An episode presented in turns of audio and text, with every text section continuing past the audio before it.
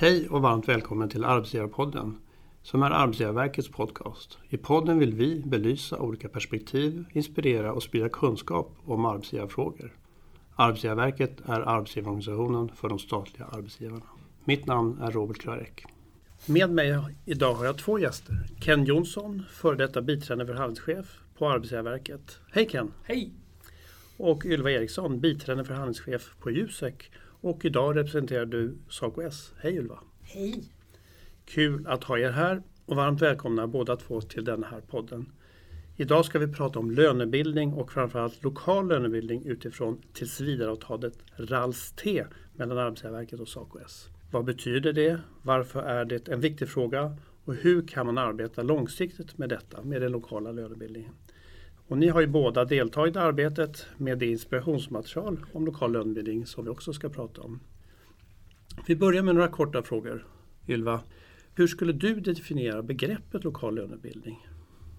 Den sker lokalt, att den sker ner på verksamhetsnivå. Det är delegerat från och var, centrala parter. Och var finns verksamhetsnivån i staten då? Ja, det är ju på myndigheter och i verksamheter. Vad skiljer det från central lönebildning?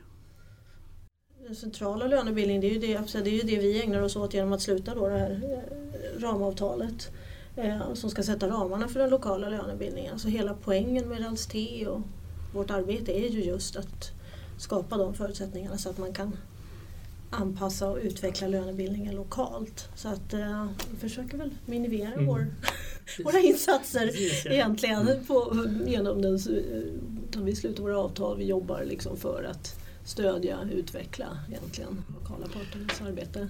Ken, varför är det så viktigt med att lönebildningen ska vara lokal? Vad är hela vitsen med varför är det så centralt med lokal lönebildning?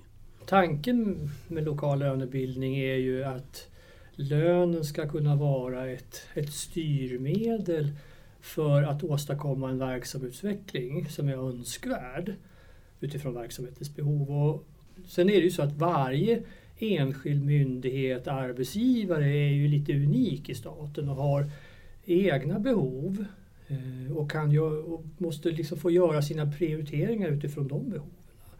Eh, det finns, vi som centrala parter skulle aldrig kunna liksom skriva ett löneavtal som tar hänsyn till alla olika myndigheters lokala behov och därför är lokal lönebildning viktig att man ska kunna göra sina bedömningar, prioriteringar och värderingar utifrån de mm. enskilda behoven som finns i just den verksamheten där jag mm. verkar.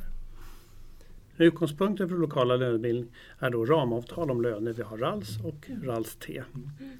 Många vet säkert vad RALS-T är men, men, inte alla. Det är ju ett ramavtal för ja. löner och det är tillsvidareavtalet så T står ju för att det är, det är ett löneavtal som löper tills vidare. Det heter egentligen RALS 2010 T eftersom det slöts 2010 men vi slarvar mm. väl med detta ja. och det är väl fullt begripligt. Mm. så vi kallar det för RALS T. Det finns ju flera jätteviktiga komponenter i det här men när man slöt RALS-T och det här kan väl egentligen du bättre än jag höll på att säga. Jag fanns ju med men i andra roller. Mm. Jag menar det var ju det att återigen så såg man ju att ja, men vi hade ett ganska bra avtal dessförinnan 2010. Men återigen, hur tillämpas det lokalt? Va? Mm. Det här med liksom individuell differentierad lönebildning, långsiktigheten problematisk. Hur jobbar lokala parter för att verkligen dra nytta av det här avtalet för att liksom se till att det blir så lokalt anpassat som möjligt men också tänka strategiskt. Det skruvade väl ni på och att mm. insåg att det fattades en komponent i det här möjligtvis och det var just den här tillsvidare-aspekten. Mm. Vi var ju ganska försenade på den tiden, det vill jag minnas mm. som jobbade lokalt då. Att jag menar, det var sällan ett centralt avtal var klart till 1 oktober. Och tanken med det är, kopplat naturligtvis till en, det inte finns någon centralt angiven siffra i det här, är att man just ska kunna grunda sig i den, i den lokala verksamheten, både medarbetarna och verksamhetens behov och tänka långsiktigt. Och det är väl det vi tycker att vi har lyckats med med det här avtalet, mm. måste jag säga. Att, att uh, ge de här verktygen, de här förutsättningarna och det är det vi verkligen vill få fram ordentligt. Dra nytta av det. Mm. Man kan fylla på med det du säger Alltså, lönebildningen är ju är ju ingen process som är kortsiktig utan den ska ju verka över tid. Just att man ska kunna jobba med lön som styrmedel så gör man ju inte det i år, inte bara i en årscykel utan över en längre tidsperiod. Mm. Över en längre tidsperiod för att det ska kunna byggas upp en lokal lönebildning det är bra, så måste lokala parter ha stabila förutsättningar. Det ska vara kända förutsättningar. Man ska veta att, att avtalet inte förändras varje gång det centrala avtalet upphör och centrala parter sätter sig och förhandlar om ett nytt avtal. Det var ju liksom det som är tanken, grundtanken med tillsvidareavtalet. Att vi parter är överens om att nej men de här förutsättningarna de tycker vi är bra, de står vi för, vi tror på det, att det stödjer den lokala lönebildning som kan stödja både verksamhet och medarbetares utveckling. Så det är det här som och det är liksom det som är tillsvidareavtalstanken. Ja. För att det ska vara tillsvidareavtal så, så måste det dessutom vara, precis som du nämnde, sifferlöst också. För det mm. går inte att ha en, en löneökningstal i det. Mm. Men de andra avtalen, ramavtalen för OFR, SPO och SEKO, de är ju tidsbegränsade. Vilket innebär att de gäller för en viss tidsrymd. Den här gången över tre år, 16 varit över ett år och då är ju varje gång sätter sig parterna och förhandlar om avtalet. Mm. Och i, även om vi som centrala parter även i den förhandlingen någonstans är överens om att vi kommer inte att göra stora förändringar. Så bara det att förhandlingen det uppstår en central löneförhandling på nationell nivå så skapar en osäkerhet för lokala parter som gör processen har en tendens att stanna upp. Men den förhandlingen kring RALS-avtalen den följer ju då det här allmänna ja, precis, kring, ja. alltså att industriavtalet och märket och Absolut, hela. Ja, så den har den tonen, eller hur? Ja, Men RALS T tills vidare så. Ja. Och det är därför det heter 2010. Vi träffade det 2010 och det gäller ju det då. Det. Med de ändringar och tillägg som vi har varit överens om. Mm. Men det är liksom ett olika synsätt på det här med hur lång tid man tror att ett avtal behöver löpa för att det ska ge bra förutsättningar. Sen är det i grunden också en, en tillitsfråga mellan centrala parter. Mm. Alltså det är så Saco och vi som centrala parter har ju under lång tid diskuterat det här och har skapat en gemensam syn på och en gemensam tro på vad som är den bästa lönebildningen för både Sacos medlemmar, mm. SACOs medlemmar och arbetsgivare Arbetsgivarverkets medlemmar i form av statliga arbetsgivare. Mm, och här i det här avtalet så läggs det då ett stort gemensamt ansvar för den lokala lönebildningen. Mm. Vad, vad, vad, menar ni med det? Det gemensamma ansvaret? Centrala parter talar ju inte om för lokala parter hur de ska göra ja. och vilka, vilka, hur de ska fördela löneökningsramar och vilka prioriteringar ska utan det, det måste lokala parter själva ta ansvar för. Ja. Och eftersom det är långsiktigt så måste man bygga gemensamt lokalt mm. den här lönebildningen. Så både arbetsgivare och det lokala facket, SACO ja. ja, det är ju fanns eh, på något sätt ja. som man ska ta om hand och värna och vårda alltså det här avtalet på det sättet. Och det är precis som du säger, jag menar, vi talar ju inte om för dem vad de ska göra. Det är ett tillsvidareavtal och man måste sätta sig ner och fundera över hur man ska anpassa avtalet till de lokala förutsättningarna och hur det ser ut hos oss. Och det kan ju göra, gälla alla möjliga saker, som inte minst kompetensförsörjningsfrågor och andra saker. Det handlar inte bara om pengar. Och det är väl lite därför som vi också har tagit fram ett nytt inspirationsmaterial. För mm. då har vi ju sett genom åren att det här är, kan vara svårt och våra företrädare är ju många gånger Ja, de är ju förtroendevalda, många har inte ens facklig tid och sådär. Men, men att sätta de här liksom, yttre ramarna, det här yttre stödet för att få till det här, den här diskussionen, det här samtalet, dialogen, den här, det här ansvaret att eh, implementera, utveckla eh, avtalet. Det finns en idé om att stödja en verksamhetsutveckling och effektiv verksamhet. Har ni några exempel på hur det där kan komma till uttryck? Just det, det här med lön som styrmedel är ett begrepp som framförallt ja. vi som arbetsgivare använder och jag vet, tycker Saco använder ja, det, det också då i sitt, mm. sitt Men det är ju lite grann det här med att, att belöna ett beteende, att genom lönen premiera, liksom man får det resultat man önskar utfört vid rätt tid. Och på samma sätt att lönen inte ska liksom användas till att belöna andra beteenden. Utan man, man styr beteenden och styr utvecklingen genom att använda lönen. Det är ett sätt att styra verksamhetsutvecklingen. Mm. Finns det en transparens i detta vad det är som gör att jag får en viss löneutveckling? Eh, det finns lönekriterier, det finns eh, en diskussion kring liksom vad, vad, vad, vad målet eller vad syftet är med lön och, och så vidare. Då, ja, det leder per definition till en styrning. Då blir ju lönen ett styrmedel mot ett önskat liksom, beteende som du säger. Och vice versa då, att man kan också då eh, koppla från oönskade beteenden om det, om det är så. Det ska vara ett styrmedel men vi pratar ju väldigt mycket om motivation mm. också.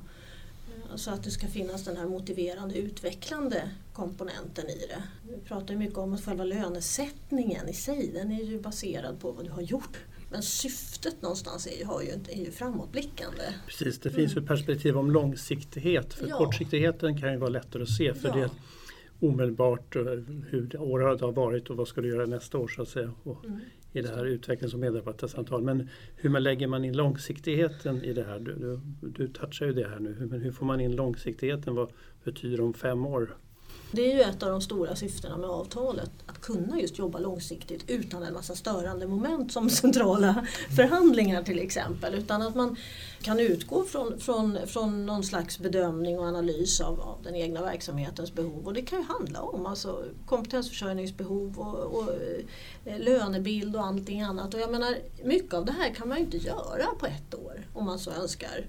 Utan det kräver ju ett långsiktigt arbete och är väldigt, väldigt viktig och att man drar nytta då av de resultat som också uppkommer efter en lönerevision. Alltså i avstämningssamtalet mellan parterna, vad är det vi har sett? Hur blev det som vi hade tänkt? Hur, mm. hur, vad fick vi, inte bara utfall i siffror utan i lönebilden? Och det tar man med sig hela tiden för att se att man då kan man kommer framåt mot den målbild som man har satt. Hur ser du utmaningarna i det här med lokala lönebildningen, eller kortsiktiga och långsiktiga? Vad är utmaningarna för att få det att att fungera. Du måste någonstans jobba i, två, i båda perspektiven. Då. Vikten av att försöka göra en analys över de framtida utmaningarna man står inför. Försöka blicka in i framtiden. Hur ser det ut? Vad är det för någonting vi behöver lösa när det gäller kompetensförsörjning, när det gäller förändringar? Vad, vad ser vi för trender i samhället som vi, vi tror kommer att påverka vårt uppdrag? Och med det, den kunskapen fundera över hur kan vi nyttja lönebildningen som verktyg för att kunna möta de delarna. Det är det långsiktiga perspektivet. Samtidigt som du lever i en vardag där du rekryterar, du nyanställer, du måste ha en lönerevision årligen där du liksom, som ändå är periodiskt väldigt kortsiktig. Mm. Den stora utmaningen handlar ju om att man måste orka och våga och för, för se båda perspektiven samtidigt. För det finns ingen motsättning, man måste kunna leva i båda de perspektiven. För mm. annars blir lönebildning bara någon årlig, som jag tror vi skriver, mm. eller jag tror jag brukar säga en årlig, så årlig happening. Liksom man gör det bara här och nu. Men utan tanke på i vilket långsiktigt perspektiv man har det. Mm. Det är väl därför det är lite komplext med lokal lönebildning och det är, lite, det är svårt och det är tungt och det tar tid. När du pratar nu så kan man höra ett sorts, förstå mig rätt nu, en lite retoriskt lite som arbetsgivarperspektiv. Då måste jag fråga dig Ylva, det här, vitsen är också en sorts långsiktighet för medarbetarna, att de känner långsiktighet. Den här balansen mellan behoven för verksamhet och medarbetarna, hur får man fram det så båda ser långsiktigheten? För det är lätt att lägga en sorts kompetensförsörjningsstrategi från arbetsgivarsidan men det gäller ju att få något sorts liknande långsiktigt tänkande hos medarbetarna. Hur får man fram det? En väl fungerande verksamhet som bedrivs effektivt hävdar ju vi då gynnar våra, medarbet eller våra medlemmar. De vill jobba i sådana verksamheter. För att jag menar, jag kan ju ha en, en, eh, en, diskussion med min chef om vad jag vill långsiktigt förstås. Och det ska jag ju ha. Jag måste ju kunna planera eller diskutera sådana frågor. Men när det gäller liksom, i lönebildningen, där handlar det väl mer om att om verksamheten drar nytta av den här möjligheten, jobbar långsiktigt, då finns det ju också en möjlighet att prata med medarbetarna om det här på det sättet. Så mm. jag, jag, tycker inte att det finns någon större motsättning. Men det jag skulle vilja lägga till där, det är att det som kanske gör att det är lite svårt med det långsiktiga, det är att det kräver personer involverade i den processen än kanske det som normalt sett sätts som parterna i lönebildning. Det vill säga SACO-S-företrädare i det här fallet och eh, arbetsgivarföreträdare i form av HR. Ska man ha en långsiktig lönebildning med liksom någon slags eh, tänk om vad man vill mot bakgrund av de analyser eller de utmaningar man ser, då involverar ju det hela verksamheten. Då blir ju inte det bara en del av så att säga, lönerevisionsfråga, en årlig sak som hanteras i det där stuprör utan då är det frågor som måste rimligtvis diskuteras inom i ledningsgruppen mm, på högsta absolut. nivån. Va? Det är ju en riktning man måste ta och som man måste vara överens om och landa i. Strategiska ställningstaganden skulle ju kunna vara prioriteringar inom och mellan grupper till exempel. In, mellan verksamheter inom en myndighet, mm. mellan grupper inom en myndighet. Det kan vara strategiska ställningstaganden. Vi behöver prioritera en viss grupps kompetens för att säkra tillgången till den. Då. Vi klarar inte av att behålla medarbetare på grund av att vi har ett löneläge som inte är attraktivt. Här. Och hur gör vi då? Jo, vi gör en prioritering. Vi satsar på en grupp medarbetare mm. för att säkra tillgången på den kompetensen. Det skulle kunna vara strategiskt ställningstagande. Så det kan ju finnas annat än just lön för det, till ja, exempel. Precis, ja, Karriärvägar och alltså allt det där, kompetensutveckling och allt vad vi så det ingår ju i det paketet någonstans. Men hur man levande gör det, det gör man ju framför allt, det måste man ju kommunicera det på olika sätt mm. förstås. Jag menar, vad vill vi med det här? Hur gör vi med det här? Hur använder vi det här? Men det betyder ju också att cheferna måste vara väl förankrade i det här. Din närmsta chef är med på tåget, förstår lönepolitiken, har varit involverad i den och förstår strategierna så kan ju den också bära med sig det hela tiden i, i det här sam, i samtalet med medarbetarna. Både på i, liksom på, på arbetsplatsträffar eller i, i, den vardagliga dialogen. Så att säga. Det, blir ju, och det tror jag är, är helt avgörande. Alltså, för cheferna är ju de naturliga bärarna av det här. Annars, så, annars kommer vi ju inte i mål. Alltså. Det vi, inte. Yes. Så vi ser ju att chefen har en, en kontinuerlig dialog med sina medarbetare i vardagen. Alltså, du pratar om arbetsuppgifter, du har avstämningar, du har ett samtal vid kaffeapparaten, hur går det? Allt det här är ju en del av mm. arbetsgivaren och chef och medarbetarens sätt att diskutera vad, hur arbetet bedrivs och utförs. Och där, I det styr arbetsgivaren lite grann. Och alla de här samtalen så att säga, landar ju så små, resultatet av alla de här samtalen landar ju så småningom i, i det här lönesättande samtalet. Mm. Det är därför vi försöker arbeta bort gemen, det här med samtal med olika typer av epitet. Utan mm. det finns en dialog, en dialog som är mm. kontinuerlig hela tiden. Mm. Och allt det som sägs måste någonstans... För det också handlar om medarbetarens möjlighet att förstå Mm. vad jag ska göra och vilka förväntningar jag har på mig genom att vara i det här sammanhanget. Hur ser du Ylva på det? Har du någon Nej, jag håller helt med i det. Jag tror att det är enormt viktigt. Jag konstaterar det eftersom vi har ju kopplat till att vårt avtal är tillsvidareavtal så utvärderar vi det säger vi vartannat år med vissa undantag. Eh, och under årens lopp under de här utvärderingarna som jag har varit med i så har vi märkt att behovet av en, kontinuerlig dialog och kvaliteten i dialogen att det är så att säga, grunden för att legitimera egentligen hela det här systemet för den enskilda medarbetaren. Det räcker inte med utvecklingssamtal, medarbetarsamtal och ett lönesättande samtal. Det räcker inte för styrningen. Hur ska jag veta att jag gör rätt? för den här återkopplingen hela tiden. Och eh, det räcker inte heller för, för bedömningen. Det, känns, det blir inte trovärdigt helt enkelt. Hur ska jag som chef eller medarbetare förbereda sig mig när jag kommer in mot den här lönesättande samtalet och lönerevisionen? Vad är det som är viktigt att tänka på, inte hela året men just slutet här och, och framförallt vilka är fallgroparna som man ska undvika? Finns det några erfarenheter? Där? Det ser ju lite olika ut. Men om jag gör mig till tolk för medarbetaren då, Ken. Eller så gör vi en rollväxling. Eller så gör vi en rollväxling. Eh, då tänker jag att, att jag menar dels så ser jag framför mig att man haft då en regelbunden och bra dialog med sin chef under mm. året. Och att man eh, tar del av det material och de mallar som finns förmodligen på myndigheten eller i verksamhet. Man tänker till ordentligt kring sina egna insatser och sin egen prestation och att man funderar över vad, vad det är man vill lyfta fram och, och varför. Och under det senaste året. Och att man kanske också passar på att fundera över eh, vad man vill det kanske man har uttryckt tidigare i medarbetarsamtal och utvecklingssamtal men att man också tar med sig den tanken. Alltså vad finns det runt hörnet för mig? Det är väl det, det viktigaste jag har och att man i samtalet sen också fokuserar just på sig själv. Det kan ju vara en fallgrop att man gärna vill jämföra sig med sina kollegor eller någonting annat. Mm. Men det, det, är en, det är en sämre väg att gå utan att man fokuserar på på sig själv och endast sig själv. Sen är det väl utmärkt om man tar stöd och går på, av sin lokala SOKS-förening. Och de skickar säkert också ut material. Mm. Varför inte ringa medlemsförbundet och be om lite coaching och rådgivning. Det levererar ju vi. Som chef man bör tänka det är lite grann fundera över hur har jag kommunicerat de här frågorna under året? Vad är det för budskap jag har förmedlat till medarbetare?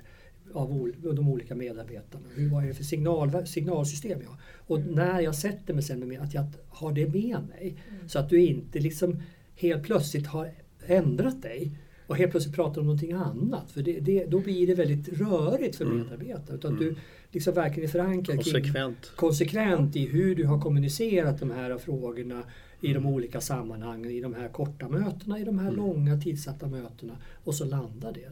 Mm. Och sen tror jag att man måste tänka igenom inför varje enskild individ.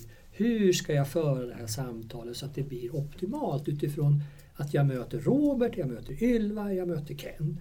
Inte så att jag har en mall i mitt huvud som jag mm. standardmall. För det mm.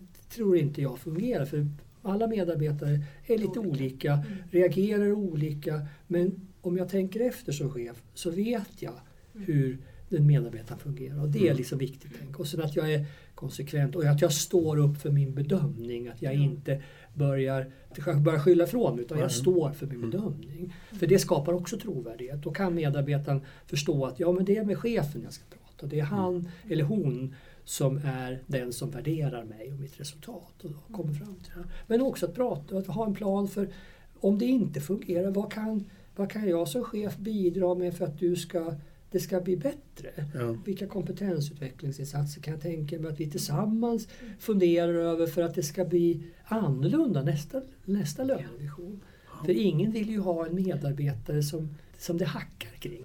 Ni har ju tillsammans tagit fram det här inspirationsmaterialet om att jobba med lokal mm. utbildning. Och till att börja med, varför har ni tagit fram det här materialet?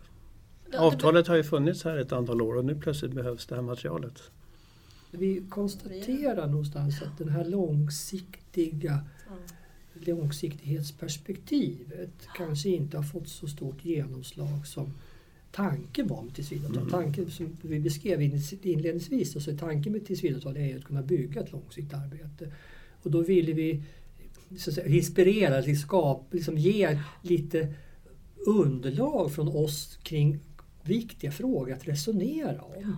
För att lyfta de här frågorna och se möjligheterna med, med avtalet och den långsiktighet som man kan bygga med avtalet. Och det är det som är liksom tanken med inspel. Vi har en korta inspel och så har vi frågor att diskutera både gemensamt och var för sig som, som, som ger lite djup i samtalet där man kanske kan komma vidare i det här. Att inte bara fastna i vardagen, att lösa problemet. Ja, nu har vi lönerevision, vi måste fixa den. Och så, så händer det någonting annat. Utan här handlar det om att sätta det i ett större sammanhang. Och det är väl AKS och Arbetsgivarverket har ju under hela, sedan 2010 haft liksom dialoger kring utveckling av, det, av avtalet. Och det här var en, en pusselbit som vi mm. har pratat om nu på slutet. Ja, en konstaterad svårighet. Mm. Alltså utvärderingarna som vi har hållit på med, har ju, vi har ju dragit slutsatser av dem.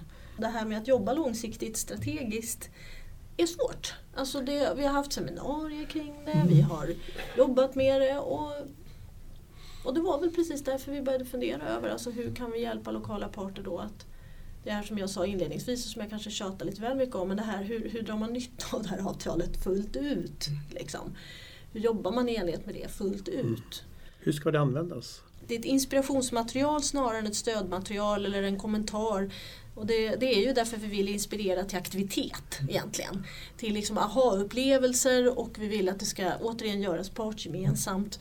Och, det var, och vi ville göra det lite konkretare, lite kortare, lite koncisare. Vi tänker att vi får väl skära bort en, en del av våra liksom älsklingsfrågor mot att liksom det är bättre att det används, läses än att vi får med allt. Mm. liksom. Var finns så, materialet? Hur får de tag i det? Ja, alltså, vi, det ligger ju alltså på Partsrådets webb eftersom mm. vi gör det, vi har ju tagit fram det här materialet inom ramen för ett arbetsområde som heter stöd till lokal lönebildning som mm. vi då har tillsammans som mm. Arbetsgivarverket.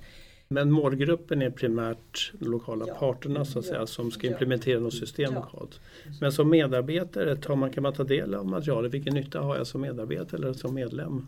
det är ju inte den primära målgruppen. Mm. Och det är klart att, att är man helt ny i lönebildningssvängen så, så, så, vet jag inte alls hur man läser det här. Då finns det ju annat material man kanske ska grotta ner sig i först och främst. Mm. Men, men, men eh, varför inte? Tänker jag. Mm. Och så gå till, sina, till sin lokala SKS-företrädare eller, eller för den delen och fråga. Ja, jag tror ju att som en ren allmän systemförståelse som Ja, kan man som medarbetare läsa det här. Liksom. Ja, Mm. Vad är det för kontext och vad är det för system Ja. jag lever i då? Sen kanske, som- precis som du säger, så är det inte primärt medarbetaren så målgruppen. Men, men det träffar ju så små, i dess förlängning så berör det ju chefmedarbetare. Så vi så, är så överens om att det är där samtalen ska vara då. Så jag kan ju som medarbetare läsa och som efterfråga saker och ting. Hur är det med det här? Jag läste det här. Hur, hur jobbar du med det? Så, med min närmaste chef. Kan du ju vara lite, lite näsvis där och stä- ställa en del intrikata frågor om inte chefen pratar om det. Vad är det för goda tre viktiga råd som man bör ge till verksamheter som ska börja med det här med lönesättande samtal? och Överhuvudtaget utveckla den lokala lönebildningen. Dels att fack och arbetsgivare faktiskt är överens om vad som ska ske. Det är liksom viktigt. Det andra är att chefer har mandat och har kompetens och förmåga att föra de här samtalen. Att man som arbetsgivare på en övergripande nivå funderar över vilka förutsättningar har alla de här cheferna att faktiskt genomföra de här samtalen med en bra kvalitet. Det är nog liksom råd. Det är liksom på en liksom generella råd. Mm. Vad säger du Ylva? Låter det? Ja, jag håller helt med. Mm. Inom högskolesektorn så är, är det ju en pågående process här och det finns organisatoriska frågor att hantera och massa annat. Men det gjorde det även i den andra så att säga, myndighetssfären Ja. när vi införde lönesättande Mm. samtal. Mm. Och det är ju ganska många år sedan nu och Mm. det var tungt på sina håll. Va? Och apropå det här med förutsättningar, alltså chefens förutsättningar att genomföra de här samtalen med kvalitet och hur man kommunicerar och sådär. De här lönesättande samtalen som vi då införde har så att säga lett till också ett nytt sätt att tänka kring, kring, kring utbildning och kvalitet och organisation. Och det, för det går ju inte att ha praktiskt taget hur många medarbetare som helst. till exempel. Det här var mycket intressant. Det är dags att avrunda. Vi har idag pratat om lokal lönebildning och hur man skapar långsiktiga förutsättningar för den och det vardagliga arbetet med den. Stort tack till dig Ylva och till dig Ken för att ni ville vara med här idag och dela er av era kunskap, era tankar och era erfarenheter.